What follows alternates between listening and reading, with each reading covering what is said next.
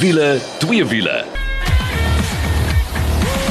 Kyk, teen hierdie tyd weet jy wat daai klanke beteken. Dis tyd vir wiele twee wiele. Ek is Janet. Saam met my is die Engelsman, glo dit of nie, Mike McDouling. Hallo Mike. Ah, julle welkom. En uh, Nicole gaan net nou by ons aansluit en Karl is ongelukkig nie hierdie, maar ek en ons sal die ding kan doen. 'n Lekker vol program vir jou. Ons het 'n bekendstelling. Daar's twee padtoetse. Ons het 'n interessante wenk oor dyno tuning. Ons kry reeds vir Kosie Swanepoel van KSD wat by ons kom kuier en dan gaan ons bietjie in die argiewe in vir twee wiele en ons raak bietjie nostalgies en dit is alles waarna jy kan uitsien. Maar my kom ek spring dan weg. Ek was by die bekendstelling van die nuwe Caddy en dis die Caddy 5 en hoorie kan ek vir jou sê dat Caddy ken ons daarom al vir jare.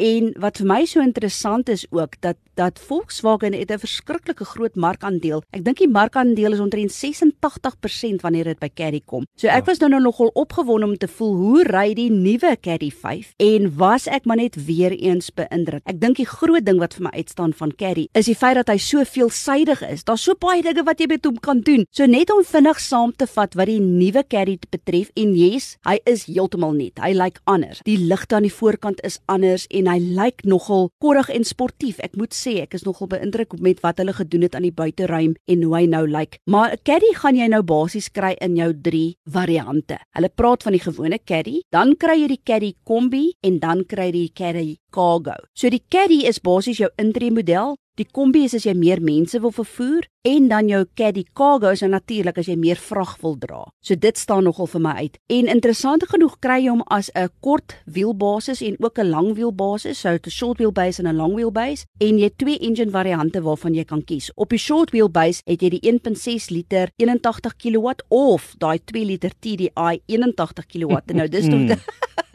Dis die een waarmee ons gery het en ah, hy seil oor die pad. Die wrinkrag en hoe hy uit uiteengesit is en veral met die radkas. Nou goed, jy het nie 'n 6-spoed handrat wat jy saam met hom kry. Jy het nie die outomatiese DSG wat jy wat jy kry saam met die Caddy nie. Maar ek wil vir jou sê, moeiteloos het ons gegly oor die pad met daai 2 liter. Ek het nou nie self met die 1.6 gery nie. Interessant ook die long wheelbase. Hulle noem hom die Maxi. Jy kry hom net in die 2 liter 'n TDI 'n 81 kW. Ons het nou net vinnig kennis gemaak waar ek wil net vir jou sê as jy 'n klein saakonderneming is of jy dink by jouself, "Ag, oh, ek wil my eie besigheid begin." Wie wil ek eintlik vir jou sê, moenie eers verder kyk nie, dan moet jy na die caddy kyk. Daar's soveel dinge wat jy met 'n caddy kan doen. Ek het nou eers self telefons die voorlegging wys. Jy kan hom verander in ambulans, jy kan hom verander in 'n honde eenheid. Jy kan homself verander in 'n haarsalon. Jy jy kan 'n koffiewinkeltjie uit jou caddy uit. En die goeie nuus is Volkswagen weet wie is die goedgekeurde maatskappye wat hierdie conversions vir jou kan doen. So ek wil net vir jou sê, caddy gaan loer bietjie op ons Facebook bladsy, dis wiele twee wiele. Jy kan nie verkeerd gaan as jy 'n nuwe besigheid wil begin. As jy mense wil vervoer nie, want natuurlik kan jy tot en met 7 mense vervoer en dan ry die kar ook gemaklik en hy deesdae al die tegnologie in van Apple CarPlay en Android Auto. Hy het 'n elektroniese skermpie. Jy het nie eers meer draai knoppies wat jy draai nie. Hoorie, uh, Volkswagen het regtig, soos wat die Engelsman sal sê, went to the next level met hierdie een. Net om gou-gou die pryse deur te gee, die Caddy self begin by 484200, dan gaan hy oor natuurlik na die Caddy Kombi wat begin by 412 en dan het jy die Caddy Cargo wat begin by 404000 rand. En dan by die bekendstelling het ek ook die geleentheid gehad om met Mark Handley te gesels. Hy is die hoof van Volkswagen se kommersiële voertuie. Nou kyk mens sien wat in Oekraïne en in Rusland aangaan en jy dink by jouself, "Mm, dis ver van ons, het dit nie effek nie." Nee nee nee, dit het werklike effek en maak verduidelik wat hierdie krisis en die effek op Volkswagen Suid-Afrika is. Yeah, so the Ukraine crisis is obviously highly unfortunate. It does have an impact on Volkswagen Group South Africa and our operations here in South Africa. As you know, Volkswagen is an international company. Uh, Volkswagen Commercial Vehicles as a brand, we have a high concentration of our plants uh, in Eastern Europe. Uh, for example, the, the Volkswagen Crafter is manufactured in Poland, uh, like our Caddy. Um, our T6 range is manufactured in Hanover. A large uh, volume of our suppliers are based in that area. In fact, in Ukraine, Ukraine is a key supplier for us in terms of um, harnesses for our vehicles. So, as you know, I mean, uh, most of the businesses are closed in Ukraine. One of our manufacturers is still actually running, believe it or not, and able to produce some harnesses. But this does have an impact uh, on our supply chain. So, right now, as Volkswagen Group, our priority right now is to stabilize our supply chain. So, we've set up a task team in Wolfsburg, um, next to our plant. And we've got uh, people from all of our key suppliers, as well as ourselves, trying to stabilize the supply chain, change the sourcing of, of key components uh, while this, this crisis is unfolding.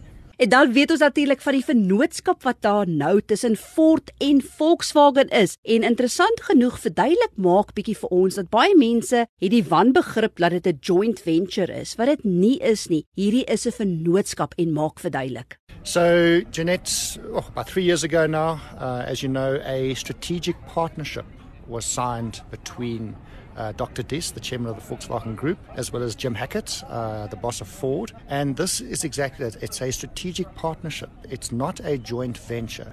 So Volkswagen Group, as well as Ford, will remain competitors. But what uh, we will do under this strategic partnership is each company will share the lead in certain projects where it is our strength. So, for example, uh, Ford will be the lead uh, partner with regards to the successor of the Amarok, using obviously the, the Ford Ranger. And we, as an example, will share with Ford our electric car technology with our MEB platform.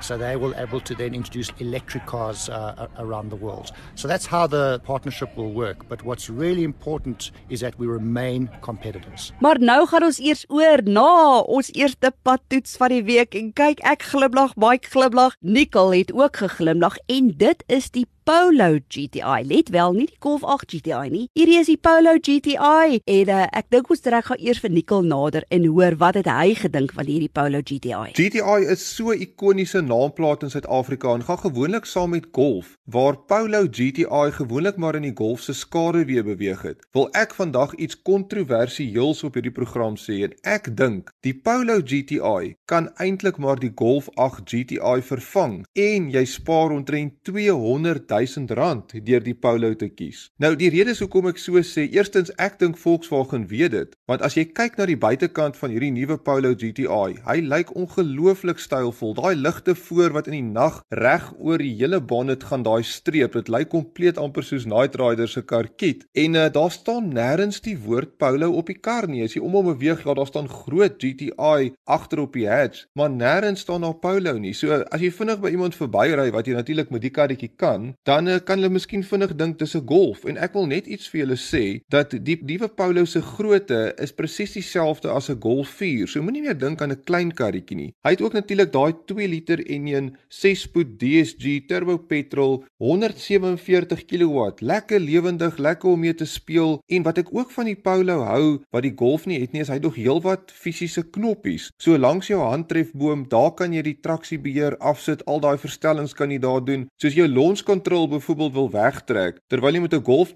GTI, die Golf 8 so deur soveel menus moet gaan, kan jy die een knoppie druk en jy's weg. So in daai opsig hou ek baie van hierdie uh, Polo GTI. Dis 'n regte klein rakker van 'n voertuig. Hy is ehm um, hy wil jou stout goedjies laat aanvang. Jy jaag om sirkels, jy's lekker pret, maar jy kan hom ook elke dag mee ry. Waar baie van hierdie extreme hot hatches amper te ongemaklik en so ry vir elke dag, kan hierdie ding regtig, hy kan speel, hy kan elke dag ry. En soos ek sê, hy kos nog nie eers 'n half miljoen rand nie. En vandag se karpryse is dit 'n ware winskoop. Nou daar het jy dit weer ek stem 100% saam met hom. Ek het hierdie Polo GTI so geniet en ja, vir die prysverskil tussen die Golf GTI en die Polo GTI GTI wil ek eintlik half vir myself die vraag vra, hmm, sal ek dan eerder die Polo GTI verkies nie? But Mike, you've got a special story. So ek het 'n liefdesverhaal hierso. ja. maar moenie vir Jackie sê asseblief. Jeanette, I fell in love with this car. You know, when Carl brought it up on the pavement on the Saturday, I'm sure the car winked at me oh. and said, Mike, we're going to have something special here. And it was absolutely amazing. That little LED light that connects through the radiator to the two headlights yeah, is amazing. Beautiful. And no bold statements of who she is, not even a polar badge, just one sign saying GTR. It's been changed from the inside to the outside. And then I took my best friend and bride with for a little ride. She fell in love with the Polo GTR as well. so Halshoek Pass, Franschhoek Pass, you know what it does? It made me excited again to drive. Ek kry 'n hoendervleis.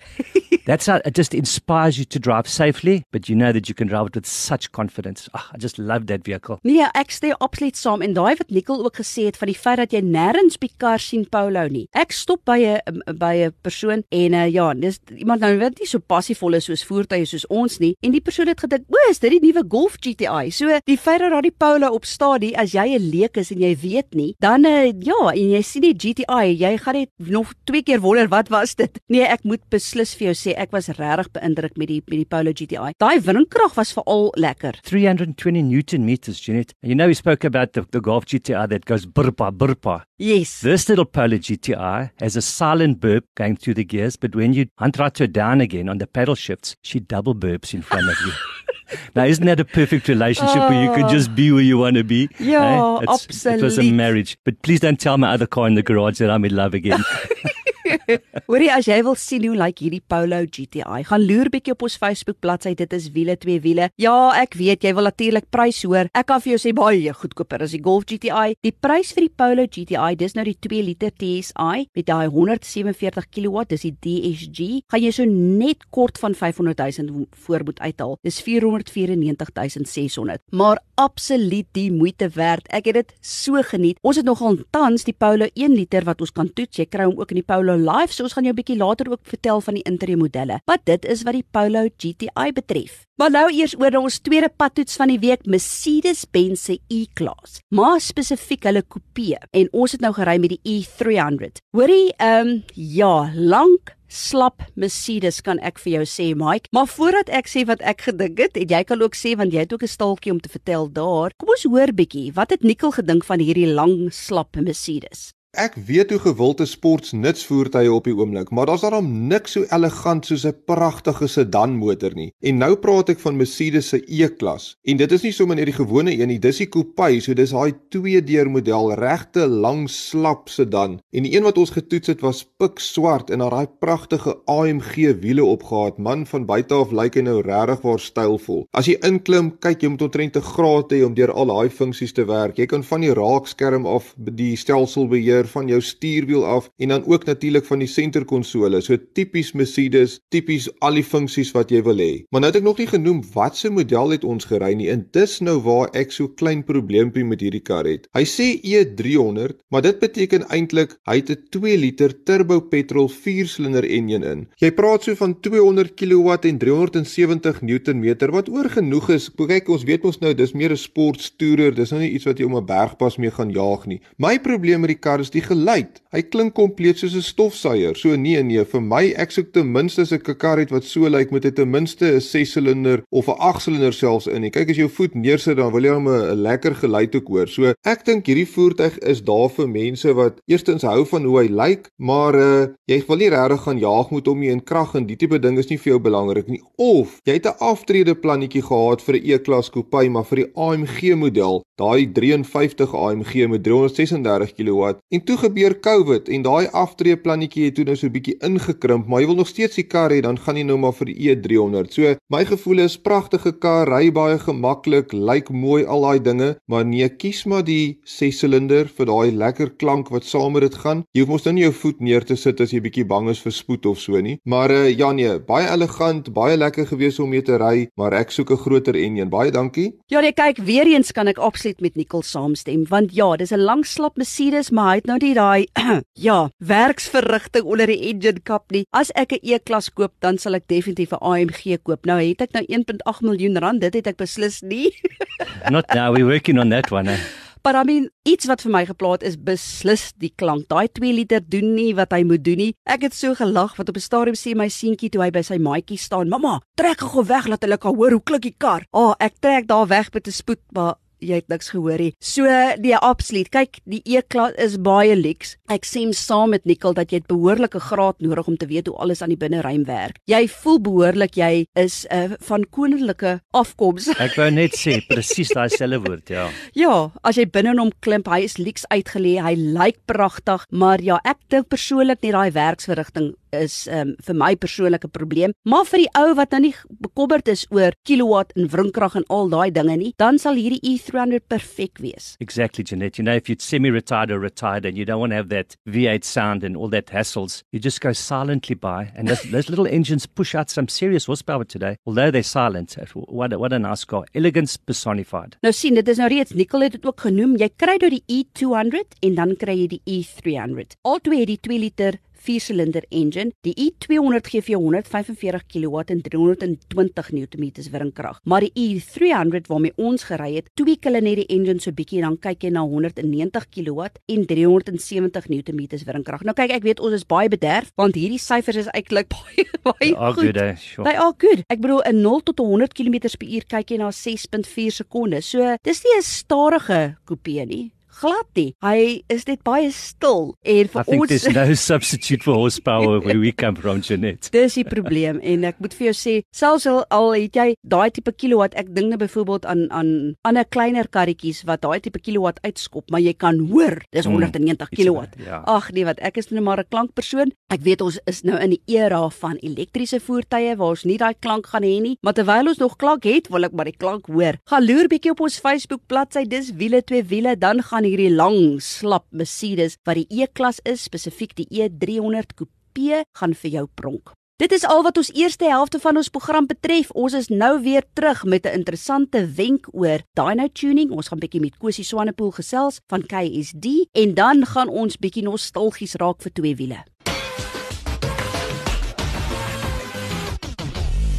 As jy nou net ingeskakel het, dit is wiele twee wiele en dis ek Janet saam met my is Mike. Maar soos vroeër beloof, gaan Kosie Swanepoel nou by ons aansluit en Kosie is van KSD en dit staan vir Koos Swanepoel Development. Hallo Kosie, ag lekker dat jy weer saam met ons kuier. Goeiedag eh, Janet en goeiedag almal. Ja, jy kyk ek en Kosie kom nou al 'n lang pad saam, né? Kyk, maar Jy spesialiseer in dyno tuning. Dit is waarvoor KSD staan. Dis waarvoor jy bekend is. Ek wil sê reg in Suid-Afrika, man, sover soos in Namibië bringe omtrent. Maar ehm um, ek wil nou eintlik vra vir die ouens wat nie weet nie en nooit regtig daai vraag wil vra nie, wat hulle is bang hulle is blond soos ek. Waaroor gaan dyno tuning? Hoe werk dit? Ja, jy sien net die ding is ehm um, jy wil graag uh, 'n uh, voertuig se standaard kraglewering meet voordat daar enigsins uh, verstellings gedoen word op die voertuig en dit het jy 'n dyno voor nodig om die regte kurwes te kry, maar in dieselfde asem het jy ook 'n dyno nodig wat loading kan doen en wat dit beteken is jy kan die pad simuleer. So ek kan op enige revolusies, op enige uh, throttle input kan ons meet en ons kan die voertuig vashou. So dit is soos wat jy se Lauries pas sal uitgaan, dan kan ek meet terwyl die kar stil staan maar sy wiele spin, kan ek op die roller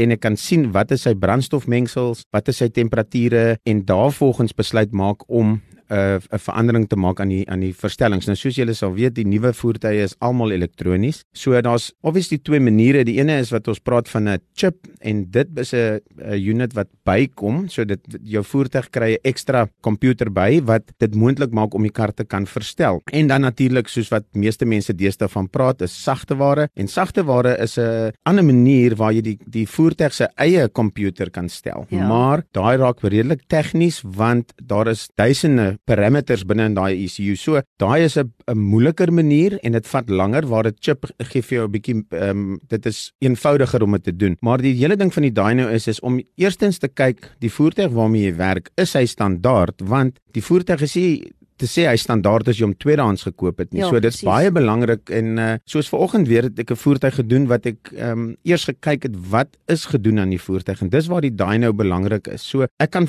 binne 5 sekondes kan ek vir jou sê hierdie voertuig is standaard of hierdie voertuig is aangekrap en dan moet jy nou kop krap voor jy ja. verder gaan. En dit is ongelukkig die die die die die nuwe wetse manier hoe dit werk. Bedoelende as jy nie gaan meet nie gaan jy nie weet nie en dis hoekom ons sit elke voertuig wat ons doen wat ek verstellings aan doen gaan na die dyno toe om seker te maak die voertuig is eerstens standaard reg ja dan maak ons 'n verstelling en dan kan ek weer gaan kyk wat is die kragverskille en jy kan 'n baie beter uh pakket bymekaar sit as om dit nou net 'n program op te laai en hoop vir die beste want daar is soveel fasette deesdae in die in die tegnologie is so breed dat ons het al gehad dat daar 'n chip in in die engine kant is en niemand sien dit nie maar ek ja. kan sien die verstellings is nie reg nie en die kraglewering is nie reg nie. En toe kom ons nou agter maar dit is nou nog 'n tipe manier om in te gaan op die engine stelsel. So as jy nie op die dyno gaan gaan nie, gaan jy nie weet nie unless die kar splinter nuut is, um, wat ek baie ja. van doen. Ehm um, ek doen baie van die Land Cruiser en Hilux merke en hulle is daarom ek wil sê 99% reg, maar ek het al ook gehad dat daar 'n probleem was met 'n nuwe ene. En Rarig. jy kan dit onmiddellik optel deur wat ons praat van 'n 'n before run. So before run beteken niks is gedoen aan die voertuig nie. Ons trek 'n kragkurwe en jy ons ken nou al die brandstofmengsel soos jy weet ek is 25 jaar daagliks ehm um, op die dyno. So ek kan ehm um, na die weet die die die brandstofmengsels, die turbo pressures en goed vir jou sê hierdie voertuig is standaard of nie. En daar is soveel verskillende. Dis bedoelende jy kry 'n laer spek Hilux en 'n hoër spek Hilux en hulle het almal verskille, maar ek weet wat moet die laer spek een wees en en so kan ek vir jou sê. En dan ja, dit is maar die die die soos ek sê, as 'n mens aan jou voertuig wil stel, ek bedoel selfs my eie voertuie, hulle gaan almal dyno toe en ons doen 'n toets voor die tyd en ons maak seker al die parameters is reg opgestel. As ek jou nou reg verstaan, beteken dit dit gaan nie net daaroor dat jy jou voertuig wil vinnig maak nie. Dit gaan net daaroor ook om seker te maak vir alles jy tweedehandse voertuig koop om seker Ja. te maak wat gaan daar onder daai engine kap aan. Korrek. So dit is belangrik. So, ja, dit is so. Soos ek sê, ek het al gehad dat uh, die voertuig 'n uh, uh, ander programmetjie op het en as hy dan reg is, dan is hy reg, maar dit is gewoonlik jy het maar 'n klein kans dat dit die geval is. So ek wil vir jou sê, maak nie saak waar jy is nie, jy hoef nie noodwendig net in die Kaap te wees nie. Jy kan vir Kosie kontak en Kosie, waar kan hulle jou in die hande kry? Ja, so die eenvoudigste manier is ehm um, ons uh, webtuiste, dis ehm um, ksdtuning.co.za en jy kan vir ons daar net 'n vragie vra en ons sal vir jou op die regte pad sit. En as jy van hierdie inligting gemis het, moenie stres nie, ek gaan sommer dit vir jou op ons wiele twee wiele Facebook bladsy ook sit. And I just want to say, young man, you're a legend. I've been watching you for years and years. In fact, some days I used to hide in that street by the railway line and watch the test cars on a Thursday before they hit Killarney on a Saturday.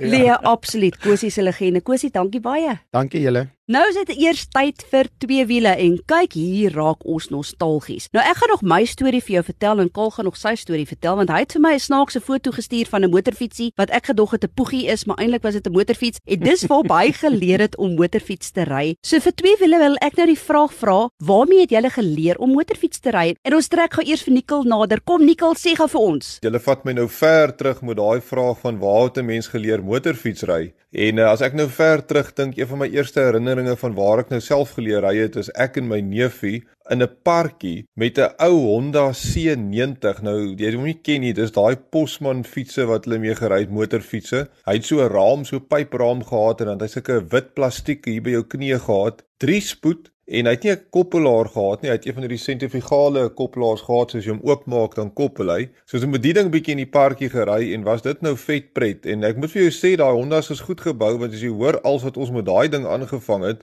Kyk, ons wil die agterwiel ook ons nou laat tol as ons wegtrek. So jy sit hom in neutraal, dan ref jy hom laat hy stil raak en dan slat jy hom in eerste rad en dan gaan jy. So nee, goeie ingenieurswerk daar van Honda.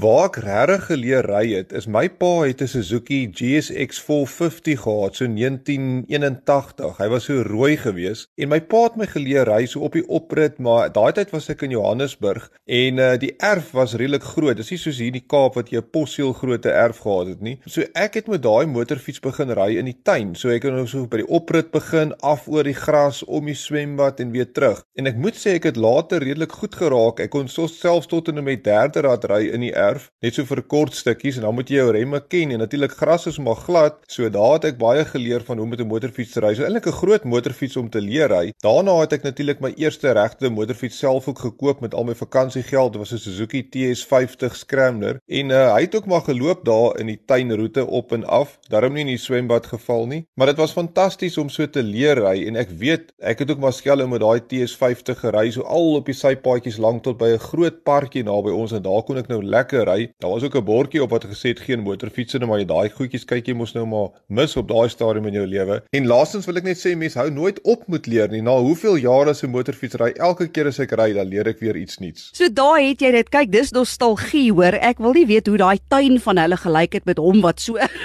in die tuin met die motorfiets gery het nie. But Mike, what is your story? Just Jeanette, you know, I, when I listened to to um, Nickel talk, it just brought back so many memories because exactly what he did. I had a little hundred twin Yamaha, a little two stroke. Yes. Didn't have a big farm, but we had the most amazing pavements around Germiston where I drove.